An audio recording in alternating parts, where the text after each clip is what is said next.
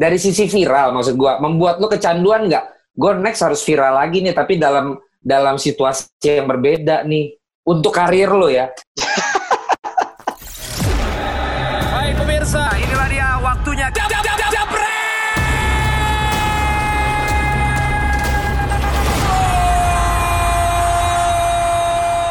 Hai Jebreters, masih dalam Jebret Talks. Tentu saja ini ngobrol-ngobrol sambil berdonasi untuk kalian semua dari rumah. Kita juga dari rumah, tapingnya dan syutingnya di kitabisa.com ada di deskripsi Jebret Media TV YouTube dan juga ada di akun Instagram Jebret Media dan Robert Valen. Kali ini kita di Sportcaster Series lagi. Ada teman saya nih yang kemarin rame banget diberitain karena apa? Kita ngobrol-ngobrol aja langsung dengan Rama Sugianto. Halo Ram.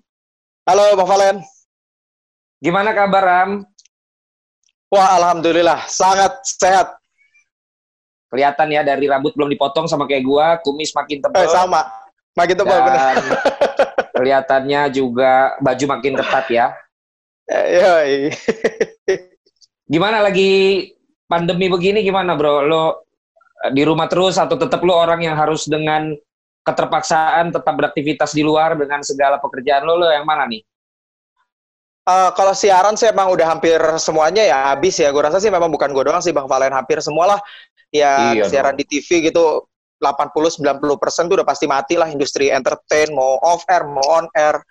Eh, sekarang sih ya karena kepepet sih semenjak corona juga punya usaha baru lah gitu. Ke- Kebetulan memang ketemu ada importir besar ngambil dari situ terus jadi supplier bawang ke pedagang-pedagang ke ada restoran ada kafe ya ada beberapa lah tapi memang ini baru berjalan belum satu bulan sih baru beberapa minggu tapi ya lumayan lah seenggaknya ATM nggak bobol gitu loh Tapi ini berarti lo jadi jualan Bombay bukan karena viral kan? Karena corona. oh enggak enggak enggak enggak enggak karena kan setelah viral corona gitu loh jadi ya kalian kena sama-sama lah sanksinya Berarti malah blessing in disguise lo ya.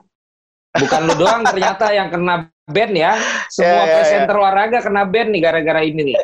asik ya waktu itu sebenarnya memang di di band lah istilahnya di grounded seminggu eh ternyata setelah di grounded seminggu dan itu bukan hanya di TV yang bersangkutan ada di TV di kebon jeruk di MNC juga di grounded eh, seminggu karena mere- mereka nggak mau kena kena imbasnya lah ya udah lah akhirnya ya ternyata malah kena corona ya udah bola malah habis sama sekali gitu loh padahal setelah satu minggu itu udah ada jadwal lagi sebenarnya gitu Grounded-nya tuh mereka pakai surat apa cuma WhatsApp apa telepon atau gimana? Ya, tapi by WhatsApp, dikasih WhatsApp. surat juga, tapi by WhatsApp gitu. Waktu itu se- sempat disuruh bareng-bareng sama-sama ke KPI kan waktu itu. Cuma pas waktunya memang lagi nggak bisa, bisanya setelah jam makan siang. Eh ternyata ya udah, udah clear kok semuanya gitu.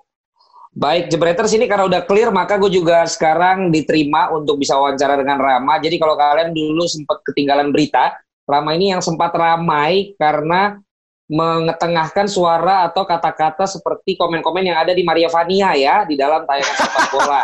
Nah, mumpung udah clear semuanya, dan kita bisa ngobrol-ngobrol ini ya, dia ya. Sugiantonya ya. Fit, Ya, Mas ya. Erwin apa kabar tuh partner siaran lu waktu itu? Lu kontak nggak? Nah, yang lucu nih Mas Erwin ya, jadi pas Kenapa kejadian itu Instagramnya langsung hilang kan dia. Jadi. Instagramnya emang langsung dihapus lu kan kayaknya ya. juga. Oh enggak, gue mah di private. Oh, lo Nggak dihapus lah. Ya, ya. maksudnya ya gue di private cuma nggak nggak dihapus kalau Mas Erwin itu Ah, ah. dihapus tapi dia sempat dia sempat WhatsApp sih ya gue Mm-mm. bilang aja ya udahlah Mas Erwin mudah-mudahan nggak maksudnya ya gue aja lah yang kena kena imbasnya mudah-mudahan Mas Erwin enggak gue bilang gitu Terus abis itu sampai sekarang belum kontak lagi. Belum sih belum kontak orang nggak ada siaran lagi Oh, berarti pertemanan lu cuma di sebatas siaran ya, jahat banget lu. Enggak juga sih. Biasanya kan suka uh, kadang main futsal juga, cuma kan ya sekarang futsal nggak bisa, siaran nggak bisa, ya udah mikirin gimana bisa bertahan aja, gimana ATM nggak bobol selama corona ya. Itu aja dipikirin kan sekarang. Karir lu dimulai dari berapa tahun yang lalu, Ram? Dan apa langsung sportcaster kalau di dunia broadcasting dan entertainment kalau- atau atau apa lu mengawalinya di tahun berapa? Kalau presenter ya, kalau presenter kalau presenter sih tahun 2008 atau 2009 deh gue lupa. Jadi waktu itu eh, ceritanya pas di kampus gue bingung nih pengen bayar kuliah tapi nggak punya duit gitu loh karena memang kan setelah selepas SMA gue udah nggak nggak tergantung sama orang Kampus tua lu di mana? Di YAI UPI YAI Iya, iya, iya. Nah di AI akhirnya pas begitu gue pengen ngajuin cuti karena memang udah gak punya duit buat bayar kuliah, eh di situ ada kayak spanduk gede gitu lomba lomba presenter antar mahasiswa. Jadi ya ada UI dari UKI dari AI hadiahnya beasiswa gitu loh. Itu pas semester 4 deh kalau nggak salah gue ikutan gituan. Ya udah akhirnya pas begitu gue ikutan juara satu eh malah akhirnya gratis di dua tahun ke belakang dapat beasiswa gitu. Dan Emang lo itu sebelumnya dia ada pengalaman? Siaran radio. Oh, udah siaran radio. penyiaran radio memang. Jadi memang uh, pas tahun 2008-2009 tuh pas ikutan apa namanya ikut lomba presenter itu memang karena kan awalnya memang nggak punya uang buat bayar kuliah gitu loh dan pas gue lihat hadiahnya juga bukan hanya beasiswa tapi juga kontrak waktu itu kontraknya di Jak TV Oke. dapat kontrak ya gitulah akhirnya ya udah awalnya langsung kecemplung di situ sih di Jak TV sih awalnya Hmm. Itu berarti lo masuk Jak TV di 2009. Ya 2009 betul lombanya kalau nggak salah 2008 Tapi lo masuk as a, apa? News atau sports? enggak kalau tengah malam tuh kayak host host quiz gitu-gitu sih Oke. host host quiz Ah, terus host- kayak hostnya sama cewek dong. ya, bagi-bagi hadiah ya ada cowok ada cewek jadi bertiga gitu deh Ah, ah, ah. bertiga bang Valen ada juga kayak jalan-jalan Jakarta waktu itu di Jak TV terus ada juga acara eh, apa namanya talk show gitu sih jadi memang kontraknya tuh waktu itu hadiahnya kalau nggak salah ya 60 episode deh juara satu tuh iya. dapat kontrak 60 episode ya tapi nominalnya nggak gede Ya, terus lumayan dong. ya lumayan upgrade lah Iya kan upgrade Gitu. dong. Nah, Iya, terus iya. akhirnya masuk ke dunia olahraga di tahun berapa? masih baru masih baru jauh banget lah kalau sama teman-teman semua saya masih baru di sebelum Euro 2016 Ya lumayan, udah lima tahun dong. Empat dong empat tahunan Ya. lah Eh, kan ini 2020 Kata lu sebelumnya, oh maksudnya sebelum di tahun yang sama. Ya, kan Hmm. si Euro itu kan bulan Juni Juli ya, Hmm. gitu. Jadi memang di awal tahun 2016 itu awalnya waktu itu casting di MNC Sport. Hmm. Karena memang kan gue dari dulu sebenarnya nggak punya manajemen, gue nggak punya Mm-mm. ruang lingkup yang untuk mendukung gue untuk tahu dunia entertain gitu loh. Hmm. Ya ruang lingkup gue nggak ngerti lah, gue nggak nggak tahu ada kayak casting sana, casting sini gue nggak tahu gitu loh. Terus Hmm. akhirnya ada temen-temen gue ngajakin waktu itu Ocha, Ya. Ngajakin mana? buat Rosalin, Rosalin. Oh, Ocha. Iya Ocha. Ocha Nah, Senopati. Iya benar. Ocha TikTok sekarang deh. Ocha TikTok. Nah itu apa namanya dia ngajakin barengan gitu casting itu sebenarnya buat magazine program acara Planet Football kalau nggak salah itu di MNC Sport Hmm. gitu. Jadi pas selesai gua casting orang yang casting gue itu nanyain lo suka bola nggak? Gue bilang ya gue suka. Gue bilang "Eh, suka bola. Kalau tenis ngerti? "Eh, tenis ya ngerti juga sih. Gue bilang gitu aja. Ya udah Hmm. akhirnya dia nanya lo bola sukanya klub apaan? Ini gue bilang. Oh ya akhirnya dia nanya lah seputar klub yang gue bilang gue suka gitu. Dan akhirnya terus ditawarin langsung buat siaran, nggak pakai casting. Eh, jadi awalnya casting dulu tuh, casting yang magazine. Habis magazine Oh, oke. selesai, selesai, nah dia baru nanyain, lu suka bola nggak? Suka, kata dia gitu. Ya udah lu suka klubnya apa? AC Milan, gue bilang gitu. Akhirnya dia nanya siapa pelatihnya, siapa strikernya, siapa ini. Ya Udahlah gue bisa jawab gitu loh. Terus akhirnya eh, nggak langsung besoknya siaran, jadi beberapa dua tiga minggu kemudian mereka baru calling. Mereka calling, suruh tes kamera. Dibawain lah komentator contohnya si Bung Haris Padi inget banget sama Harpa, waktu itu. Iya. Oh. Jadi tes kamera kayaknya mungkin buat ditunjukin kali, mau ditunjukin ke Mas Yoyon atau ke siapa gue gak ngerti lah Iya, pokoknya bos-bos iya, gitu loh. iya. Dites ya udah gue ngobrol-ngobrol sama Harpa. Ya udah akhirnya nggak lama dikasih jadwal. Gitu. Itu berarti Eh, prosesnya lama 2000, juga. 2016. Nah, 2000, 2010 sampai 2016 lo pindah-pindah dari Jak TV apa di Jak TV terus? Nggak ada Jak TV, terus ya eh, nggak nggak ini sih, maksudnya memang itu stagnan banget karena memang Tapi maksudnya kayak tadi Bang Valen bilang. eh beda-beda sih, tetap paling presenting, MC, tapi memang banyak kan Jak TV sih. Dan Oke. banyak kan masih kayak TV-TV lokal, kayak gitu-gitulah. Jadi setelah lo masuk MNC Sports terus Ya, masuk MNC Sport, terus kurang lebih dua tahun ya lama-lama kalau kayak di MNC Sport kan lama-lama terus diajakin ke iNews terus lama-lama diajakin ke mulai gabung ke MNC TV terus akhirnya ya mulai ke luar ke grupnya MTech ke O Channel terus ya gitulah Bang Valen berarti lo juga udah mulai ber, bersosialisasi di orang-orang TV ya? Mm -mm. Nah itu berarti nggak ada eksklusivitas tuh lo bisa di MNC sama bisa di MTech Gak ada sih, kebetulan gak ada. Dulu sih awalnya sempat mau dibikin gitu, bahkan sempat ditawarin masuk manajemennya yang kebun jeruk tuh. Cuma ya gak tau lah, gak jadi di tengah jalan juga gak jadi. Ya udah akhirnya bisa ke mana-mana sih. Di MNC TV bisa, di iNews bisa, di mana-mana juga bisa sih.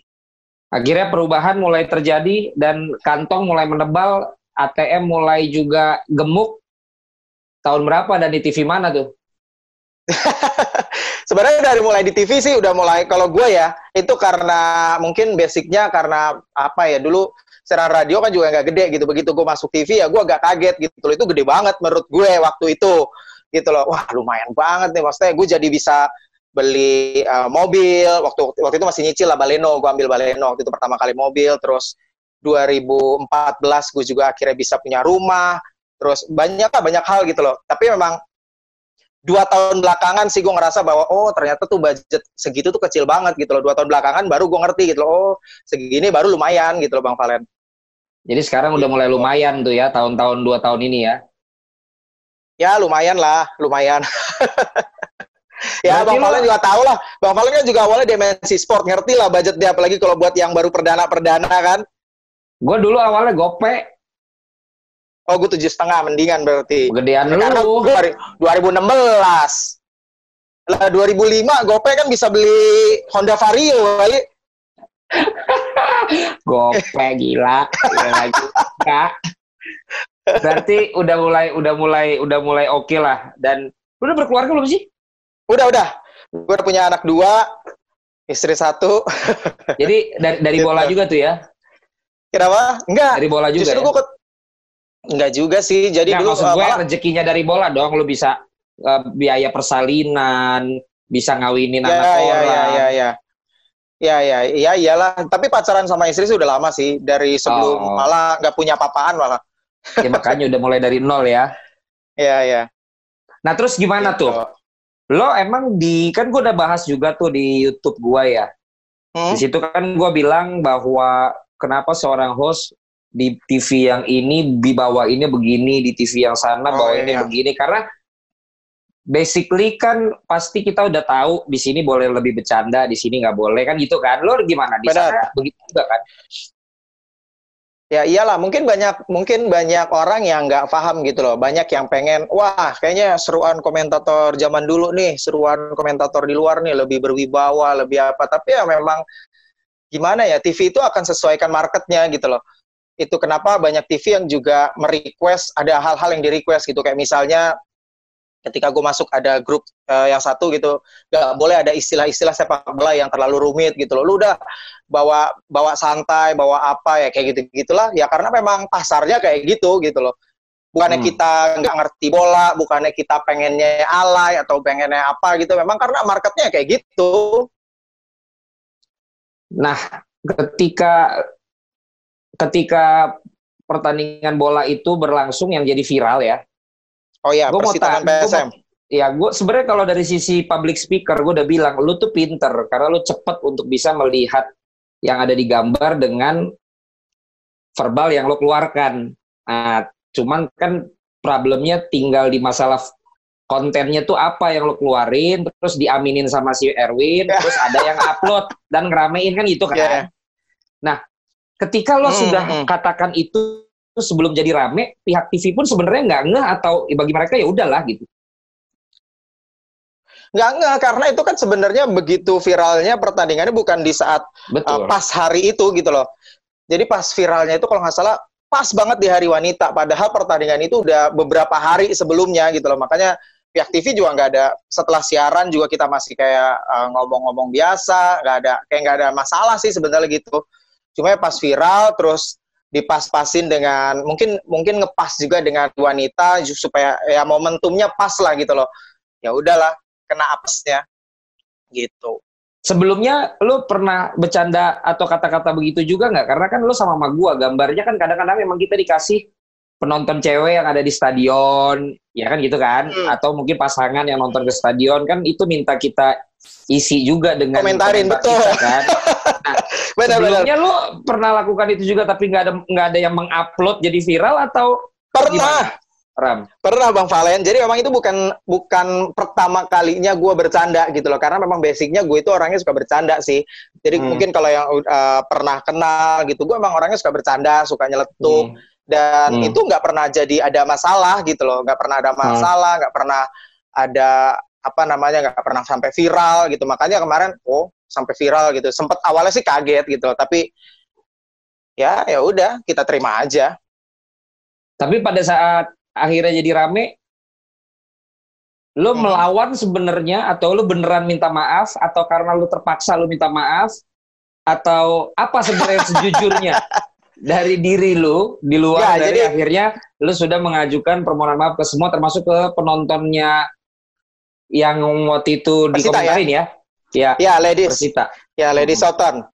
Hmm. Ya, jadi memang uh, apa ya begitu viral sebenarnya gue sempat kaget gitu loh sampai viral nih gitu loh. Terus tiba-tiba Instagram gue banyak yang nge-DM, terus banyak yang mention gitu ya. Udah, itu memang apa ya inisiatif gue sih karena gue pikir setelah gue ngobrol istri gue jangan negor kata istri gue wah nggak boleh nih kalau kayak gini kata istri gue gitu karena istri gue kan lah, agak lebih ngerti lah gitu loh ya udah akhirnya gue ambil inisiatif memang gue udah DM duluan dan nggak lama -hmm. berikutnya orang dari uh, MTech juga nge-WhatsApp gua gitu loh. Udah lu bikin permintaan maaf deh kata dia. Tadi sebenarnya gue pengen permintaan maafnya langsung gitu loh. Tapi ya udah karena orang Emtek minta, gue bikin permintaan sendiri dulu deh karena memang kan harus disesuaikan tuh orang-orang persitanya juga kan pada kerja. Jadi mereka bisanya hari berikutnya malam gitu loh. Ya udah akhirnya gue bikin dulu permintaan maaf sampai akhirnya ya udah besoknya gue juga temuin mereka gitu loh. Pas lu nemuin mereka, adakah kesulitan buat lu minta Gak, maaf? Mereka ada... malah datang kawak mereka malah datang ketawa-ketawa gitu loh. Malah para pendukungnya malah kaget gila lu bang. Gua sampai dikenalin yang cewek nih ya yang cewek yang mereka kan kesorot nih. Mereka iya. kesorot. Yang cewek tuh malah bilang gini gila bang gua sampai dikenalin tetangga kata dia. Eh lu ada tuh gue liat di Instagram muka lu kata gitu mereka malah ketawa-tawa gitu tapi gue tetap maksudnya ya udah gue minta maaf gitu loh. Terlepas dari lu nya marah atau enggak lu nya sakit hati atau enggak gitu loh gue mau minta maaf benar-benar minta maaf sama lu karena uh, apa yang gue lakuin juga itu di, di luar dari uh, kontrol diri gue gitu loh.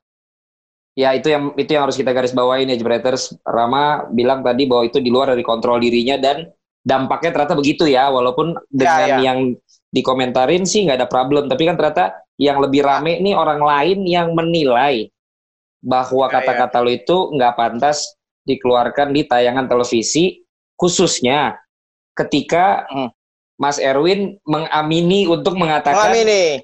cewek itu ya, gitu ya. kan karena ya. Erwin tipenya serius kan gitu kan benar benar benar Jebreters juga teman gua sahabat gue juga jadi gue sangat tahu dia orangnya sangat serius dan gue tahu gak akan ada niatan dari dia dan seperti dan Rama juga untuk menjadi sengaja ya seksism atau melecehkan ya. wanita nah tapi kan akhirnya banyak yang rame nih Ram rame itu satu karena hmm. kesadaran hmm. sendiri untuk memberikan komen karena ngelihat lo nggak jelas bagi mereka. Ada juga lembaga-lembaga tertentu ditanyain mungkin oleh wartawan atau siapa sehingga mengeluarkan statement. Ya. Dan mungkin betul. ada juga yang akhirnya merasa bahwa oh ini ranah gue nih, gue harus kasih komen juga. Nah, lo melihat itu gimana tuh lo ngadepin tipe-tipe yang bikin rame itu semua? Uh, apa ya memang itu jadi banyak sih. Kalau yang suka bola sih mereka kebanyakan ya kebanyakan nggak semua. Mereka nganggap itu bercanda karena mereka ya sering bercanda gitu juga gitu loh di Instagram. Tapi kan kayak misalnya aktivis perempuan apalagi yang benar. Gue juga pikirnya gini ketika itu sampai misalnya ke komisi DPR terus ke mana pokoknya pejabat-pejabat negara lah berkomentar. Gue pikir juga sebenarnya mereka nggak begitu perhatiin. Cuma karena mereka udah ditembak mungkin pertanyaan sama wartawan ya mau nggak mau mereka juga harus jawab gitu. Ya udahlah, toh juga akhirnya uh, uh, ya gue sama para pendukung Persita juga kita sama-sama apa ya gue minta maaf mereka juga memaafkan itu sih yang paling penting sih bang Valen.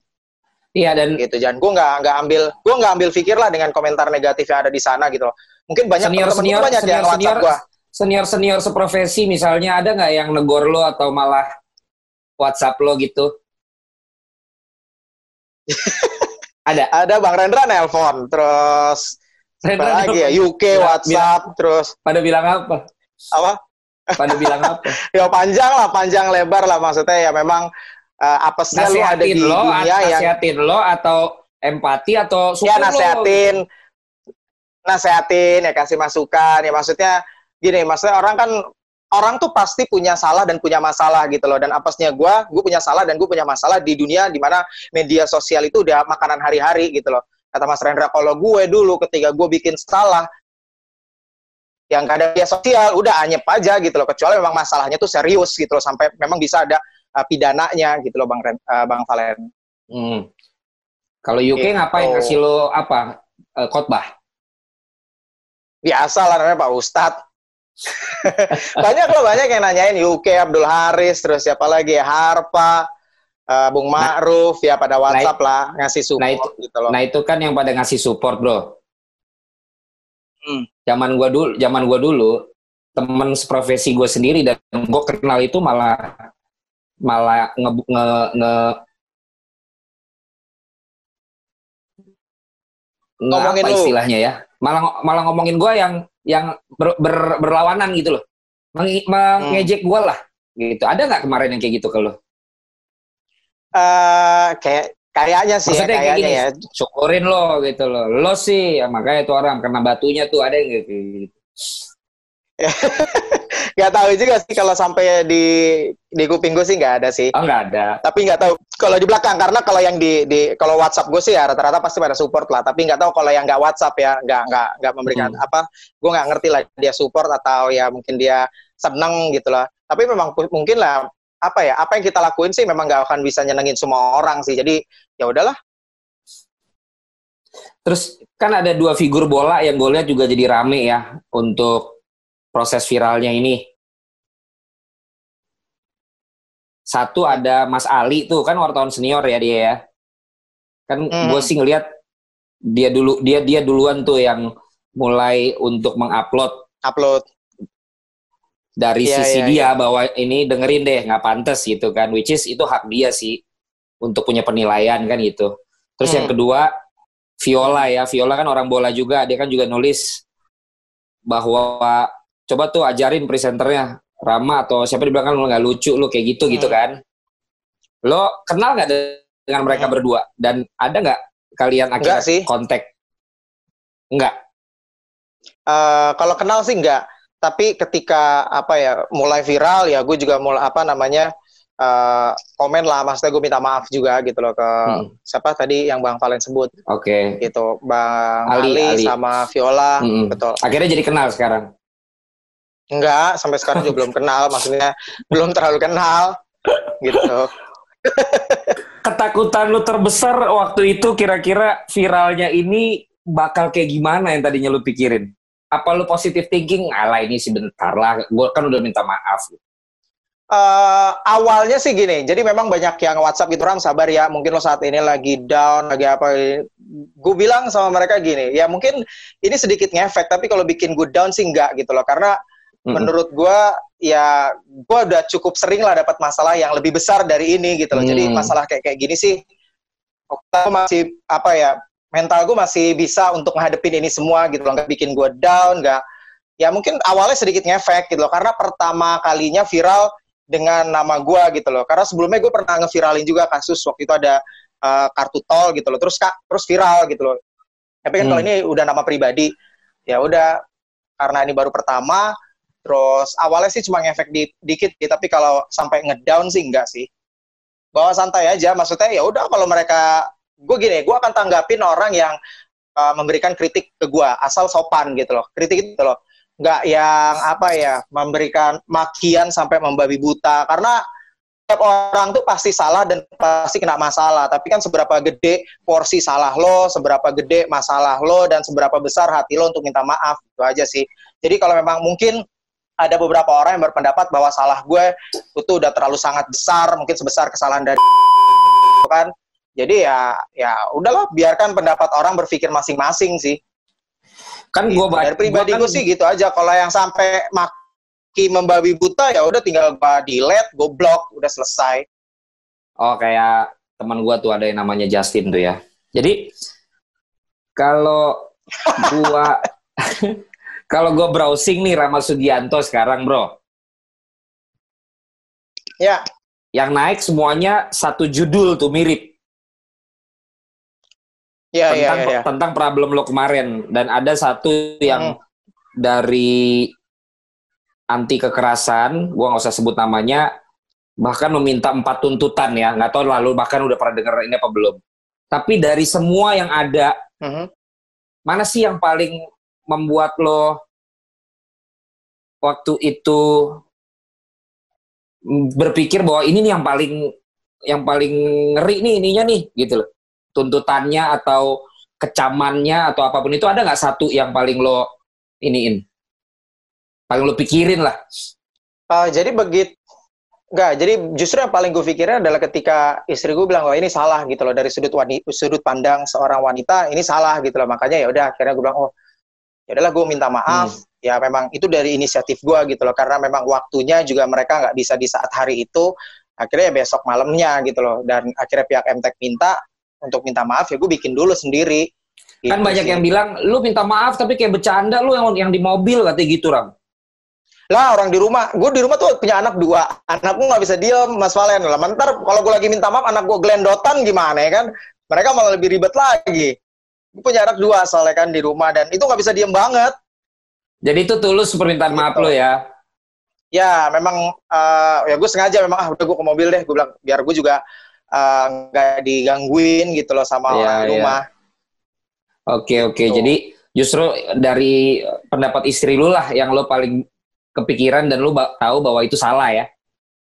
ya ya Ya, nah. ya karena memang kan sudut pandang mungkin laki-laki sama sudut pandang perempuan kan juga mungkin beda gitu loh. Makanya gue minta pendapat oh ya udah oh ya udah salah ya. Ya udah gue juga nggak mau cari pembelaan gitu loh. Gue nggak mau nggak mau cari apa ya pembenaran lah dari apa yang udah gue lakuin. Udah gue cuma minta maaf gue nggak mau melakukan pembenaran gue nggak mau cari alasan gue cukup minta maaf dan mereka memaafkan gitu loh. Bahkan mereka be- begitu gue datang mereka cuma ketawa-tawa bahkan heran. Gila bang kata tetangga gue sampai kenal gue sekarang kata Kira-kira Gitu. kalau lo ngelihat kejadian dan dapat gambar begitu lagi, apa yang akan lo katakan sekarang, Ram? kenapa? Kalau dapat gambar kayak gitu lagi? Kalau dapat gambar begitu lagi, nanti lo siaran, kira-kira sekarang lo akan mengeluarkan jenis yang seperti apa untuk mengartikulasikan gambar itu? ya yang lebih adem aja bang Valen. Yang nggak lebih Mis- kontroversi lah ya. Ya paling bilang aja kita lihat. Nah ini dia tribun yang sekarang juga jauh lebih aman di mana para wanita juga bisa hadir di stadion. Nah kayak gitu-gitu aja kan Lo aman tahu, tuh, tapi, gitu. tapi lo tahu kata-kata itu semua gara-gara sering lihat Instagramnya siapa, Maria Fani yang sering lo liatin? ah hampir semua Instagram bola deh kayaknya deh. Mau Instagram apa pun sepak bola nih ketika mungkin ada dia kasih gambar perempuan yang komen netizen kan gitu-gitu semua gitu loh. Siapa paling Gitu. lo, lo baca terus Instagram bola tuh akunnya siapa? siapa ya? Banyak sih bang Valen. Banyak banyak sepak Lu meni- bola ID terus Ah. siapa ya Garuda Revolution Tapi apa? lo akhirnya menikmati keviralan itu gak sih? Lo ya lo awalnya dari- sih. dari sisi- sekarang dari sisi vir- sih jadi Ya. sekarang ya udah mulai biasa aja dari sisi viral maksud gua membuat lo kecanduan nggak? Gue next harus viral lagi nih tapi dalam dalam situasi yang berbeda nih untuk karir lo ya. soalnya kalau viralnya kayak gini sih ya dibilang enak enggak gitu loh enggak lah nggak enak maksudnya ya Iya maksudnya yang malah pikir lain, untuk memilah-milah viral yang kata lah. lain. Ya milih-milih kata sih lebih milih-milih kata sih bang Valen Enggak, maksud gue Gitu. viral viral yang lain tidak dalam seperti ini. Karena gini Ram, tidak semua presenter olahraga sekarang yang ada pernah merasakan Ya. ke- dia jadi viral. Karena sensasinya tuh hanya berulang kali. Jadi gue, viral dan dicaci maki ya nah, jadi gue tahu. itu harus digaris bawah Oh iya, jadi gue tahu bagaimana rasanya viral itu sensasi Iya, iya. seperti apa, caci maki seperti apa. Tapi setelah itu monetisasinya juga seperti apa itu nggak boleh diumpetin sama netizen bahwa netizen yang mencaci maki gue membuat gue punya Alphard dan Mercy ya itu karena mereka. Boy deh. Iya. gitu. Cuman sekarang gue jual, gua jual lagi karena corona udah nggak bisa bayar cicilan. Itu dia. ya kan? Udah Jadi siaran gimana? mati semua ya, benar. Gimana kira-kira dengan lu pernah mengalami sensasi viral? Next lu mau buat Ya. apa supaya bisa viral lagi? Gini, enggak sih, gue sih ngambil sisi positifnya aja. Maksudnya memang ya jadi lebih dikenal gitu ya. Bahkan istri gue ketika di McD eh, jadi ngomong tuh restoran siap saji lah gitu ya. Saya Ada yang lagi tim ngomongin. Kentucky. Saya tim Iya benar-benar. Ada kayak anak-anak SMA gitu pada ngomongin, lagian nih komentator ngapain ngomong begini begini. Istri gue padahal di sampingnya gitu loh. Dia sampai ngerekam, sampai ngasih tahu gue gitu loh. Ini ada yang lagi ngomongin kamu nih katanya. Oh ya ya ya, gitu sih ya. Gue sih ngambil sisi positifnya aja sih, gitu aja sih Bang Valen dan Hmm. jadi pembelajaran aja gitu loh.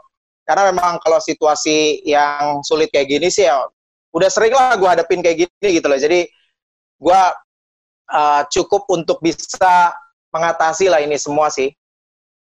Oke, karena bentar lagi kayaknya azan maghrib. Gue mau tanya kalau dari sisi keinginan lo, cita-cita lo, harapan lo sebagai sportcaster ke depan apa yang masih lo pengenin yang belum lo dapetin sekarang? Uh, apa ya? Kalau gue sih mikirnya gini, sebagai sportcaster kan gue udah jalanin dari 2016. Gue sih membatasi diri gue. Jadi kalau memang gue ada di level yang gini-gini aja, mungkin 4-5 tahun gue memang harus cari cara lain. Gue harus upgrade diri gue. Mungkin memang peruntungan gue nggak di, dunia sport- sportcaster atau di dunia entertain. Karena kita juga harus tahu lah di mana uh, level kita, gimana kita naker gitu. Percuma kita jadi sportcaster kalau 20 tahun, 10 tahun ya nggak jadi apa-apa gitu loh. Kalau lo cuma ada di level yang itu, itu aja. Makanya gue kayak membatasi 4-5 tahun kalau memang gue cuma di level yang ya begini-begini aja berarti gue harus cari cari jalan lain gitu loh. Gua, entah gue harus usaha, entah gue uh, apa gitu. Memang itu itu harus sudah mulai dipikirin sih. Karena kan kalau kita lihat juga sportcaster kan banyak lah kayak misalnya uh, Lucy Wiryono gitu loh. Udah nggak ya sportcaster itu cuma buat sampingan gitu. Utamanya dia kan dari usaha. Kan lagi. Dia nggak terlalu mungkin dia mungkin ya cuannya nggak terlalu banyak di sportcaster makanya dia cari cara lain dengan usaha.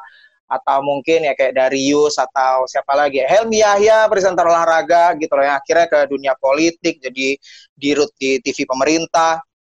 Itu memang uh, apa ya ya gue mulai harus ada batas diri lah gitu loh. Kalau memang ada di level yang itu itu aja ya memang kita harus cari cara lain sih sebenarnya. Gitu bang Valen. Jadi udah kepikiran juga di lo seperti itu ya? ya which is really good dan udah banyak contoh juga kayak gitu. Karena gue setuju sama lo kalau dipikir-pikir sebenarnya kolamnya ya sportcaster ini bisa kita. cuannya tuh ya udah Hmm. emang ketaker. Ya. Benar ya ya gitulah. Ya tapi kita ya paling kalau tidak kalau harus buat kita harus bersyukur kita harus bersyukuri dan kita Benar, tetap harus harus menikmati yang kita dapat ya kan?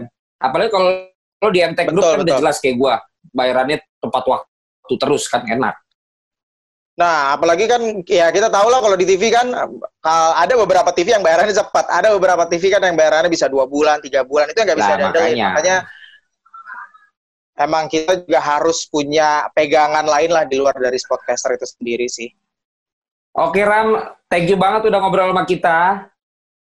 Sukses Ya, di. Sportcaster dan juga usahanya sekarang.